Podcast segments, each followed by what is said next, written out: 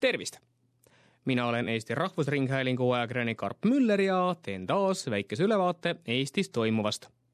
juttu tuleb lahkunud presidendi Toomas Hendrik Ilvese Ärma talu skandaalist, tülist Reformierakonnas ning probleemidest parvlaevaliiklusega. alustan aga läinud reedel esitletud riigikaitse järgmise kümne aasta arengukavast Eesti loob järgneva kümne aasta vältel kaitseväkke küberväe juhatuse, soetab liikursuurtükid ning kasvatab hüppeliselt ajateenijate hulka kolme tuhande kahesajalt nelja tuhandele, kaasates sealhulgas senisest enam naisi.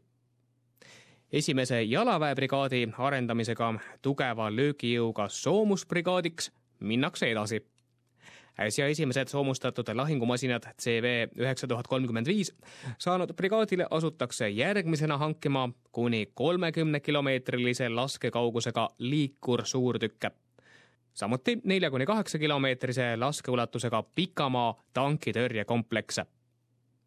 palju kirgi kütnud plaan Eestile oma tankid osta, see on aga esialgu ootele pandud avalikult pole küll nõnda sõnastatud, aga arengukava kommenteerijad järeldavad, et tankipataljoni osas tugineb Eesti meie liitlastele. NATO Varssavi tippkohtumise otsuse põhjal saadab allianss teatavasti eeloleval kevadel tähtajatult Eestisse kaheksasaja kuni tuhande kahesaja mehelise pataljoni lahingugrupi, mis moodustatakse Ühendkuningriigi, Taani ja Prantsusmaa sõduritest ning soomustehnikast, sealhulgas tõenäoliselt tankidest Eesti võimelüngaks agressiivse Venemaa naabruses on ka keskmaa õhutõrje. kuid ka seda arengukavas prioriteediks ei seata. kaitseminister Hannes Hanso sõnul pole keskmaa õhutõrje hankimine Eesti rahalist võimekust arvestades realistlik. Hanso sõnul tähendab minimaalse keskmaa õhutõrjevõime saavutamine kaheteistkümne seadeldise ning kahekümne nelja raketi hankimist mis aga eeldaks kaitsekulutuste taseme tõstmist null koma kahe protsendi võrra ning sel juhul oleks võimalik kaitsta ka vaid kahte piirkonda või kahte objekti. ka keskmaa õhutõrje osas loodab Eesti lääneliitlastele, kes vajadusel võtavad näiteks Ämari lennuvälja kaitseks kaasa oma teisaldatavad õhutõrjeraketikompleksid.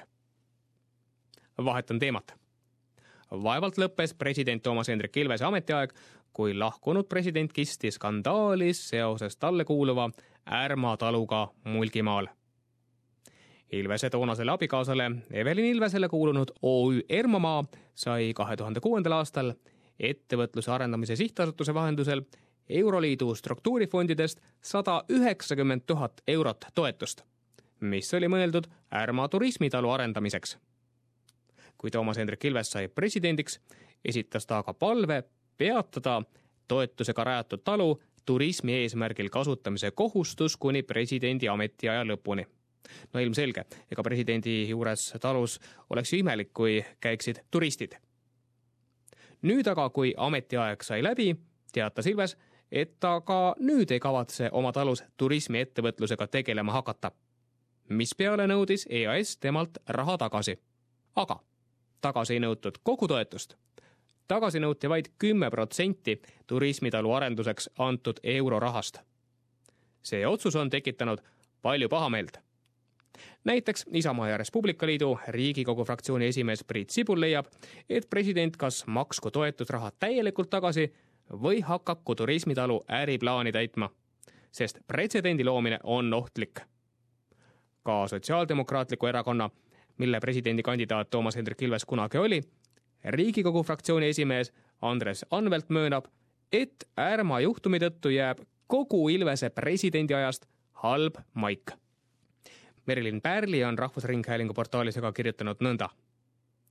Ilves on ise kõik need kümme presidendiaastat hurjutanud poliitikuid jokkskeemide kasutamise eest ja rõhutanud eetika olulisust. Ärma juhtum pole midagi muud kui eetikakursilt kõvasti kõrvale kaldumine. teod ainult ei pea olema ausad ja korrektsed. Need peavad seda ka näima skandaali ajal on EAS tellinud auditi, mille eesmärgiks on saada sõltumatu osapoole hinnang, kas ettevõtluse arendamise sihtasutus on käitunud vastavalt reeglitele ning jälginud toetuse saajate võrdse kohtlemise printsiipe. vahetan teemat. räägime nüüd suurest poliitikast. Eestis käärib kahes suures erakonnas korraga.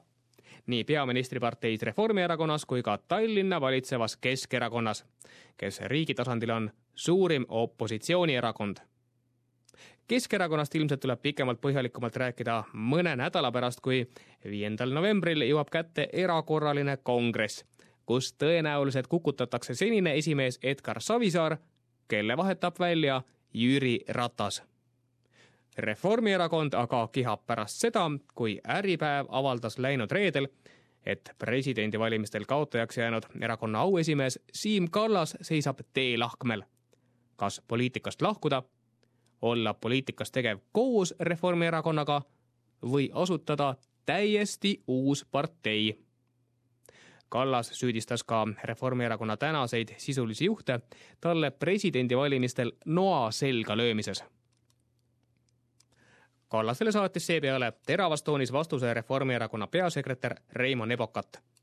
ta nimetas Kallast kibestunuks, kuna ta ei saanud presidendiks. tsiteerin Nebokati ütleme nii, nagu asjad on.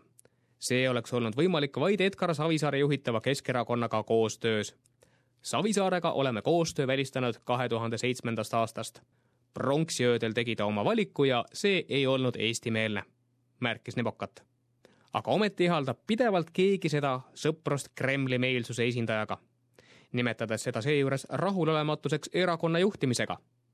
See ongi see põhiline erimeelsus, Pole ju ammu saladus, et Siim Kallas, Rein Lang ja veel mõned on hundisilmal külalised olnud, ütles Nebokat ning rõhutas, et erakond seda ei poolda ja nii ka jääb. Siim Kallas omakorda teatas, et tema süüdistamine Kremli meelsuses on erakordselt tõsine süüdistus ning kutsus üles talle esitatud etteheiteid arutama erakonna juhatuses. juhatus kutsutigi kokku järgmiseks kolmapäevaks aga üllatus-üllatus, selliseks kuupäevaks, kui osaleda ei saa Kallase toetajad, tema tütar Kaja Kallas ning Rein Lang. Koalitsioonipartneri Sotsiaaldemokraatliku Erakonna esimees Jevgeni Ossinovski nimetas, et teda üllatas väga, kui magedalt ja primitiivselt Reformierakonna juhtkond oma auesimeest ründas Ossinovski nimetas, et järgmised kuus kuud tulevad valitsusele Reformierakonna ja Keskerakonna siseheitluste tõttu turbulentsed.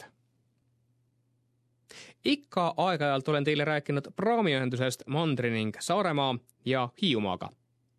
Mäletatavasti võttis riigile kuuluv TS Laevad esimesel oktoobril eraettevõtjalt Vjatšeslav Leedolt ja tema Saaremaa laevakompaniilt ühenduse pidamise üle riigi tellitud neli uut laeva Türgi ja Poola tehastest, aga pole valmis saanud. et inimesed ja kaubad vedamata ei jääks, ei jäänud riigil muud üle, kui rentida krõbeda hinna eest endiselt vedajalt Leedolt tema vanad ja ebamugavad laevad. Näiteks aastal tuhat üheksasada kaheksakümmend viis Nõukogude Liidus tankipraamiks ehitatud Harilaid kõige selle taustaks on ka Tallinna Sadama endiste juhtide altkäemaksuskandaal ning kaks aastat kestnud avalikud hoiatused, et riik on jätnud laevade tellimise hilja peale ning õigeks ajaks uusi laevu ei saabu. kõige tipuks on idatuulte mõjul nädalapäevad olnud Väinameres ka erakordselt madal veetase, kuuskümmend sentimeetrit allpool normi mistõttu saab Hiiumaaga ühendust pidada vaid madala süvisega vana ja väikese harilaiuga kuhu mahub vähe autosid.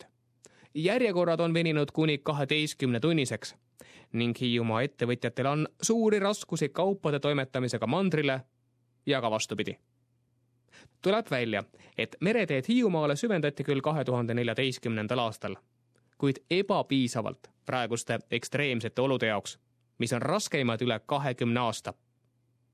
nüüd analüüsibki Veeteede Amet, kas laevatee vajaks tulevikus kapitaalsemat ja kallimat süvendamist, et hiidlased ka erakordselt madala veetasemega oma saarele ja saarelt siiski liikuma pääseksid. ka uued riigipraamid, mis peatselt saabuvad, on sellise süvisega, et praeguse veetaseme korral sõita nad ei saaks. Kui peaminister Taavi Rõivaselt küsiti kahe nädala eest Vikerraadios, kas nüüd on lõpuks käes aeg, kui keegi peaks probleemide pärast parvlaevaliikluse korraldamisel ka poliitilise vastutuse võtma? siis peaminister vastas nõnda. tsiteerin. praegu on olukord ju selline, et jätkub status quo ehk siis needsamad vanad SLK laevad jätkavad veidi kauem. minule on kinnitatud, et teenus halvemaks ei ole läinud. et jätkub seesama teenus veidi kauem ja see paremaks minemine, tegelikult usutakse, et teenus läheb paremaks, siis kui tulevad need Tallinna Sadama poolt tellitud praamid liinile, et siis see paremaks minemine lihtsalt lükkub veidi edasi. tsitaadi lõpp. niisiis, head kuulajad, jätke meelde see kasulik väljend meie peaministrilt. kui olete mõnes halvas olukorras, siis öelge. jah, pidanuks minema paremaks, lähebki, aga see paremaks minemine lükkub lihtsalt edasi. aitäh, et kuulasite, see oli siis seekordne valik Eesti sõnumitest. mina olen Eesti Rahvusringhäälingu ajakirjanik Arp Müller, kuulmiseni